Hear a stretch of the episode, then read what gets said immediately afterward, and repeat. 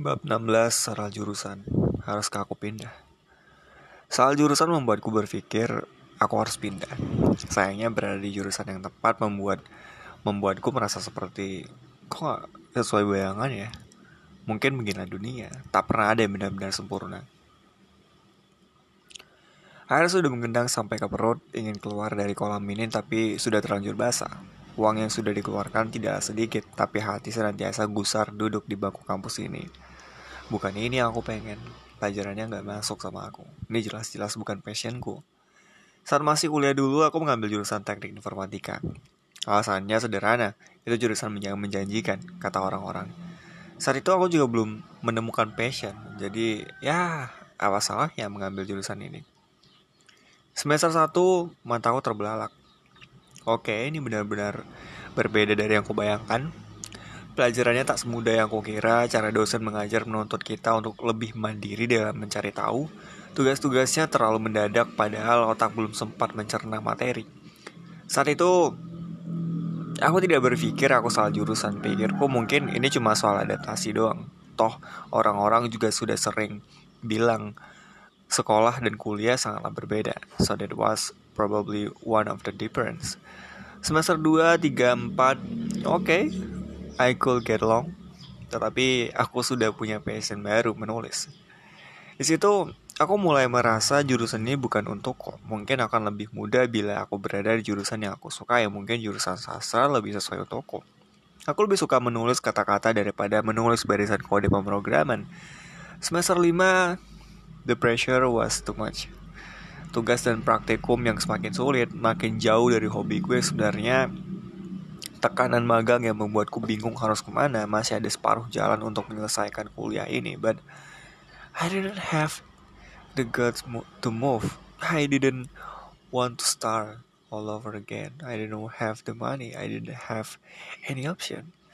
Jadi aku tak punya pilihan selain bertahan terjebak dalam jurusan yang ini Semester 6, 7, 8 kulanjutkan dengan susah payah Berusaha keras menikmati setiap proses mencari celah yang kusukai dari jurusan ini Memang aku tak benar-benar punya passion menulis barisan kode pemrograman Tapi ku katakan pada diriku Anggap aja ini tantangan Coba belajar menyukai apa yang tidak kamu sukai jadi aku mencoba mencari celah-celah yang sekiranya aku suka dari jurusan ini. Memang berat awalnya, namun aku terus belajar. Dan setiap kali belajar, aku berusaha menikmati prosesnya. Aku berusaha membayangkan jauh seperti jika aku belajar ini aku bisa menjadi itu. Aku berusaha memunculkan rasa penasaran dari materi-materi berat yang sebenarnya aku tidak ingin tahu.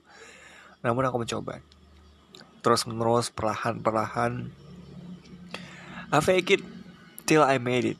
Dan setelah susah payah belajar ini, itu aku menemukan apa yang aku suka dari jurusan ini. Ternyata aku suka mengerjakan yang soal-soal kalkulus yang menuntutku untuk berpikir lebih kreatif. Aku jadi suka mempelajari jalannya sebuah algoritma karena di sana ada solusi dari sebuah permasalahan melalui sebuah rumusan matematika yang nanti kemudian bisa dialihbahasakan ke bahasa pemrograman.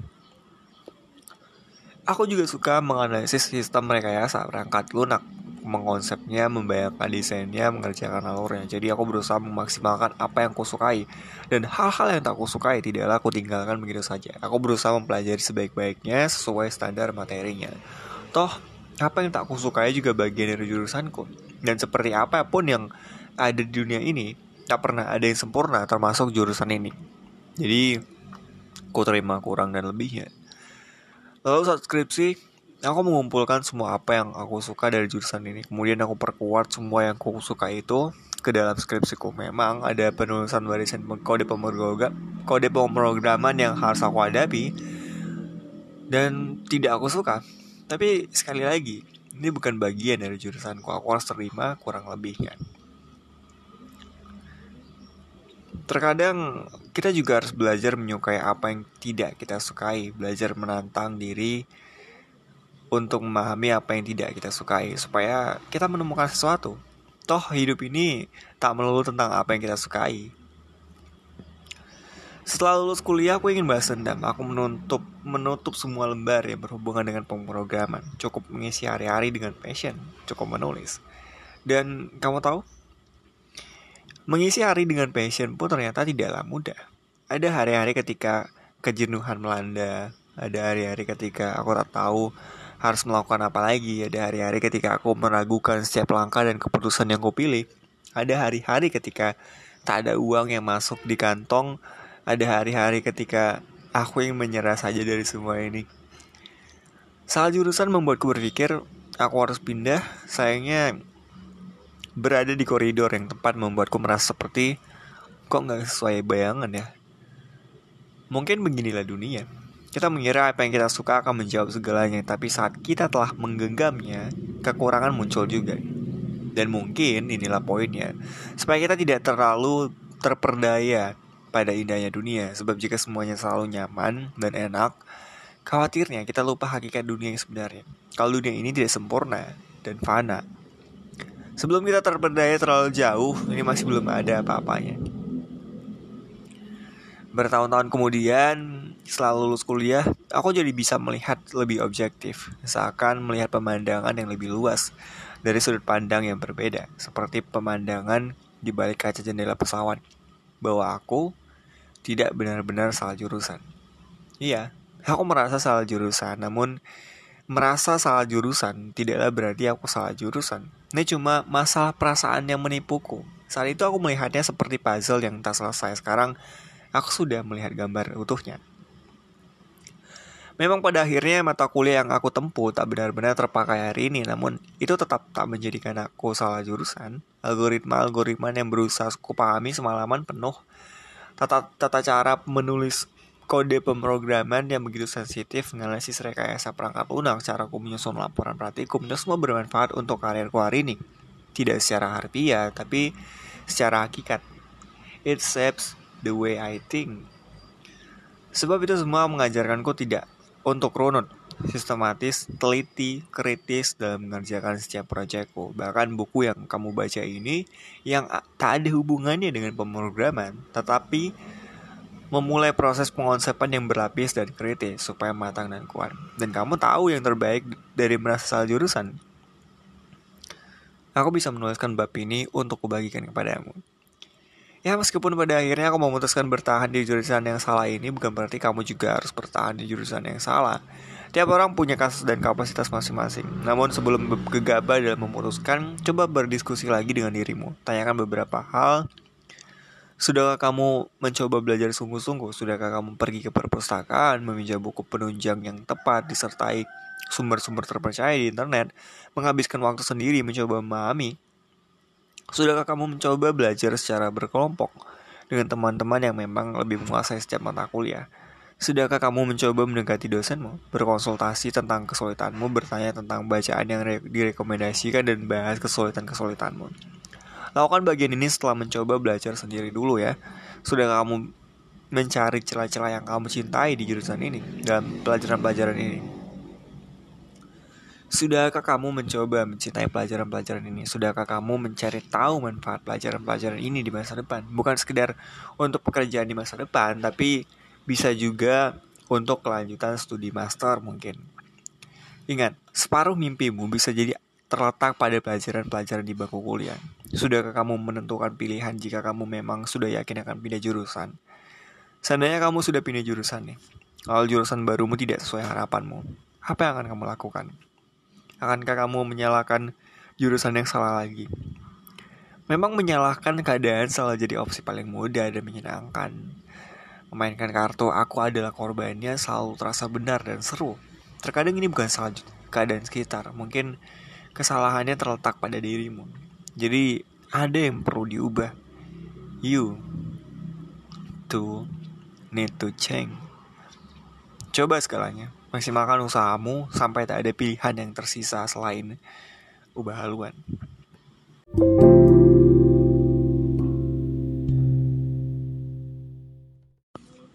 Bab 17 Bagaimana memilih jurusan kuliah yang tepat? Aturan pertama, tak ada jurusan yang benar-benar tepat untukmu. We all are just trying to fit in. Ingin terjebak di jurusan yang salah jika kamu bertanya, lalu bagaimana memilih jurusan kuliah yang tepat? Aturan pertama adalah tak akan ada jurusan yang benar-benar tepat untukmu. We all are just trying to fit in. Pahami bahwa setiap jurusan memiliki kesulitannya masing-masing. Setiap jurusan punya titik jenuhnya, setiap jurusan punya kekurangan yang tak kita sukai. Tak ada jurusan yang sempurna, toh kita juga tinggal di dunia yang tak sempurna, kesempurnaan macam apa yang bisa kita harapkan. Kedua, lihat ke belakang. Apa hobimu? Apa yang senang kamu kerjakan? Nah, apa jurusan yang paling dekat dengan hobimu itu? Jika kamu tak tahu apa hobimu, lihat lagi ke belakang. Apa pelajaran favoritmu sewaktu SMA? Kumpulkan jurusan-jurusan kuliah yang berhubungan dengan pelajaran favoritmu sewaktu SMA. Selanjutnya, jika kamu sudah punya beberapa calon jurusan, jangan langsung gegabah memutuskan. Sabar, pelan-pelan, coba. Lihatlah daftar mata kuliah pada jurusan-jurusan tersebut. Lihatlah materi-materi yang sekiranya akan kamu hadapi. Lihat pula judul-judul skripsi atau penelitian pada jurusan tersebut. Apakah itu sesuatu yang kamu tertarik jalani? Memang akan ada beberapa orang yang ketika melihat daftar mata kuliah atau contoh judul skripsi akan merasa seperti, aduh ini terlalu sulit buat aku. Maka ingat-ingat lagi aturan pertama di paragraf ketiga. Setiap jurusan punya kesulitannya sendiri. Dan memang tak semua orang bisa melakukan cara ini, melihat daftar mata kuliah dan contoh judul skripsi atau penelitian. Namun Setidaknya ini memperluas potong-potongan puzzle dalam kepalamu agar dapat melihat puzzle yang sedikit lebih utuh perihal calon jurusanmu. Lalu tanyakan juga orang-orang yang telah berada di jurusan yang kamu inginkan. Bagaimana rasanya di sana dan apa yang apa aja yang udah dipelajari, apa yang enak, apa yang tidak enak, kumpulkan sebanyak-banyaknya informasi. Dan ingat-ingat, tak ada yang benar-benar hitam maupun benar-benar putih di sini. Jadi jangan kaget dengan ketidakenakan sebuah jurusan kuliah. Ada sisi yang tak kita lihat. Dan yang terpenting dari itu semua adalah berdoalah kepada Allah yang maha mengetahui lagi maha bijaksana. Ulangi lagi, yang maha mengetahui lagi maha bijaksana. Karena kita tak pernah tahu apa-apa. Sedangkan Allah maha mengetahui lagi maha bijaksana. Sekarang tentukanlah Kemudian apabila kamu telah membulatkan tekad, maka bertakwalah kepada Allah. Sungguh Allah mencintai orang-orang yang bertakau, bertawakal. Quran Surat Al-Imran ayat 159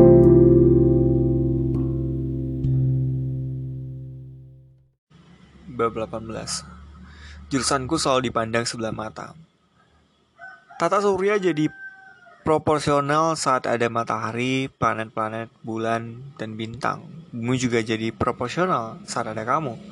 Terlepas dari apa yang orang-orang katakan tentang jurusanmu. Anak pimpa bakal jadi apa sih? Kamu ambil jurusan pendidikan. Dikit loh gaji guru. Ngapain sih ambil jurusan agama mau jadi ustad? Emang bisa. Um, begini, Semakin ramai jalannya, semakin susah terlihat. Di surya, bintang-bintang itu indah dan banyak. Saking banyaknya, kita tak pernah bisa ingat letak satu bintang secara spesifik. Bahkan, kita tak tahu apakah bintang yang kita lihat di posisi yang sama hari ini adalah bintang yang kita lihat di posisi yang sama kemarin. Padahal indah. Sayangnya karena terlalu banyak, mudah terlupakan. Semakin ramai jalannya, semakin susah diingat. Mereka memilih jurusan yang banyak diminati layaknya bintang-bintang di langit, bermanfaat, dibutuhkan, indah, tapi bertabulan begitu banyak sampai-sampai susah teringat. Susah menjadi yang paling bersinar di antara jutaan sinar indah lainnya. Begitulah jika kamu berada di jurusan yang banyak diminati. Sementara itu jurusan kuliah tak sebatas pada jurusan populer seperti kedokteran dan teknik. Sebagaimana tata surya yang tak sebatas pada bintang-bintang di langit di tata surya, bintang-bintang memang indah dan dibutuhkan. Tetapi Bintang bukan satu-satunya yang kita butuhkan di tata surya. Kita butuh matahari, kehangatannya aja dan cahayanya. Kita butuh bulan yang memberi penerangan pada gelapnya malam. Ada pula planet-planet yang kita tak tahu apa tujuan fungsionalnya bagi bumi. Tetapi mereka ada. Dan tidaklah tata surya ini tercipta dengan main, diciptakan dengan main-main. Semakin pada jalannya, semakin susah berada di puncak. Tetapi kamu memilih jurusan yang tak populer, tak banyak diminati membuat orang-orang meragukanmu. Namun sesungguhnya, kamu sedang memilih jalanan yang tak padat. Jalanan yang lenggang lebih mudah sampai ke puncak. Toh di dunia ini, cita-cita bukan sekedar dokter, pebisnis, pengacara, dan PNS. Kita butuh profesi-profesi lain untuk membuat bumi ini menjadi tempat tinggal yang lebih proporsional. Kita butuh ilmuwan-ilmuwan yang meneliti ini. Itu di laboratorium mempelajari penelitian-penelitian terdahulu lebih dalam mencari celah dari penemuan-penemuan sebelumnya bereksperimen dengan hipotesis-hipotesis yang tidak kita pahami berusaha mengembangkan sederet penelitian dan penemuan agar bisa memberi manfaat bagi kehidupan manusia. Mungkin ini jalan sebagian mahasiswa MIPA mengembangkan ilmu pengetahuan. Kita butuh guru-guru yang memberikan kecakapan Kecapan pertama dari ilmu pengetahuan, sebagian mimpimu mungkin terletak pada teori yang diajarkan gurumu. Mungkin ini jalan sebagian mahasiswa keguruan memberi kecapan pertama dari ilmu pengetahuan untuk anak cucumu kelak. Kita butuh para ustadz yang mengalami, yang mendalami ilmu agama secara ilmiah, yang berpegang teguh pada Al-Quran dan hadis. Tetapi tidak menginterpretasikannya berdasarkan nalar sendiri, yang senantiasa berusaha merujuk pada pemahaman yang murni, pemahaman para sahabat sebagaimana awal mula Islam diturunkan. Tak ada penambahan maupun pengurangan. Murni semurni-murninya, sehingga nanti jika terjadi perbedaan di sana sini, kita, virus, kita bisa merujuk pada ustadz-ustadz ini, yang dapat memberikan jawaban yang ilmiah dan murni. Dan semua yang ilmiah dan murni senantiasa berujung bijaksana. Mungkin ini jalan sebagian masa jurusan agama Islam, mendakwahkan ilmu agama secara ilmiah dan murni. Kita, bunyi, kita butuh banyak profesi di dunia ini untuk membuat bumi ini jadi tempat tinggal yang lebih layak, sebagaimana langit juga butuh awan dan cahaya biru, dan matahari, dan bintang, dan bulan-bulan, dan bulan, dan benda-benda langit lainnya yang tak kita ketahui namanya. Semua masing-masing ada perannya. Kita butuh kamu terlepas dari apa yang orang katakan tentang jurusanmu. Ketika aku bilang semua ada perannya, I couldn't speak for all. Aku hanya bisa merujuk pada tiga jurusan yang kusebutkan itu. Bukan berarti jurusan-jurusan lainnya yang sering direndahkan itu memang rendah, tapi tidak begitu. Aku still go on with jurusan pertanian. We need you to learn how to trade Earth Better, maybe. Jurusan ilmu perpustakaan. Tahu Mary Kondo? Bukan beliau bukan beliau bukan jurusan ilmu perpustakaan, namun dia adalah seorang konsultan beres-beres dan karena ilmu beres-beresnya dia jadi terkenal secara global padahal cuma beres-beres loh. Mahasiswa ilmu perpustakaan belajar banyak soal penyimpanan data, beres-beres data, pengarsipan, pengelolaan sumber informasi dan tetek bengek, semacamnya. Di era ketika folder-folder dan bookmark begitu berantakan, kita butuh ilmu ini. Dan jurusan-jurusan lain yang belum disebutkan, namun sekali lagi, I couldn't speak for all mayor. Namun, di dunia ini, banyak orang yang melabeli sebuah teori yang belum teruji kebiasaannya, keabsahannya, lalu menyebutnya ilmu pengetahuan. Banyak orang yang mempelajari sesuatu yang yang sekedar konspirasi dan cocok logi lalu menyebutnya ilmu pengetahuan. Kita juga harus pandai memilih ilmu yang bermanfaat dan yang tidak bermanfaat. Sebagaimana tata surya yang menyimpan meteor-meteor yang punya peran, tapi bisa membahayakan bagi bumi.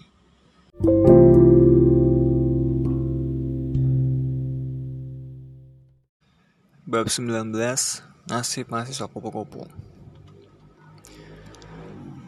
Dulu aku adalah mahasiswa kupu-kupu Para senior saat masa-masa ospek selalu mengingatkan Jangan jadi mahasiswa kupu-kupu kuliah pulang, kuliah pulang. Namun aku tidak mendengar ucapan mereka. Cari pengalaman di kampus, ikut organisasi, gabung sama komunitas. Sekali lagi aku tidak mengikuti saran mereka. Bukannya gimana-gimana sebagai introvert kelas berat, aku sangat kesulitan beradaptasi di tempat baru. Jadi berada di kampus yang baru, orang-orang yang baru, alur hidup yang baru, melelahkanku secara sosial. Aku butuh pulang untuk mengistirahatkan diriku. Namun aku tidak pulang ke rumah, lalu berbaring di kasur sambil menggulir lini masa Instagram atau Twitter. Aku pulang, duduk di depan komputer lamaku, menelusuri internet, menyerap ilmu-ilmu kepenulisan di grup-grup yang aku bergabung di dalamnya, lalu mencoba menulis, lalu membaca buku, analisis pembukaan paragrafnya, pertengahan cerita, dan bagaimana sang penulis mengakhiri kalimat di setiap bab, lalu mempraktekannya lagi di tulisan berikutnya, terus menulis meminta teman membaca dan mengomentari, membaca mengirimkannya, mencoba mengirimkannya ke majalah ini itu as predicted, mostly rejected. Menantang diri mengikuti lomba menulis ini itu kalah berulang kali hingga mendapatkan satu kemenangan yang membawaku ke sebuah penerbit menulis sampai hari ini. Oh tentu, tugas kuliah dalam tawaran praktikum selalu jadi prioritas. Aku memang mahasiswa kupu-kupu, aku bersosialisasi secukupnya, aku tidak mengikuti organisasi apa pun, dan aku tidak bilang ini sepenuhnya benar. Yang aku ingin bilang adalah, siapa orang punya peran masing-masing. Aku pulang bukan untuk bermalas-malasan. Aku pulang melatih dan mengokohkan skill baruku, menulis. Aku pulang berusaha mengajar mimpiku, dan mahasiswa kupu-kupu yang kau temui di kampusmu, mungkin dia sedang mengejar mimpi, mungkin dia harus bekerja untuk memenuhi kebutuhan keluarga. Mungkin, oh bukan mungkin, tapi pasti, kita tak tahu apa-apa. Dan mahasiswa yang sibuk berorganisasi mengikuti kegiatan ini itu di luar kampus, mereka juga mengerjakan sesuatu untuk sesuatu yang tidak kita ketahui. Setiap orang punya porsi masing-masing. Setiap orang punya orbit masing-masing. Tak perlu kita merasa lebih tinggi. Ternyata beberapa tahun kemudian aku sungguhan menjadi penulis. Masya Allah.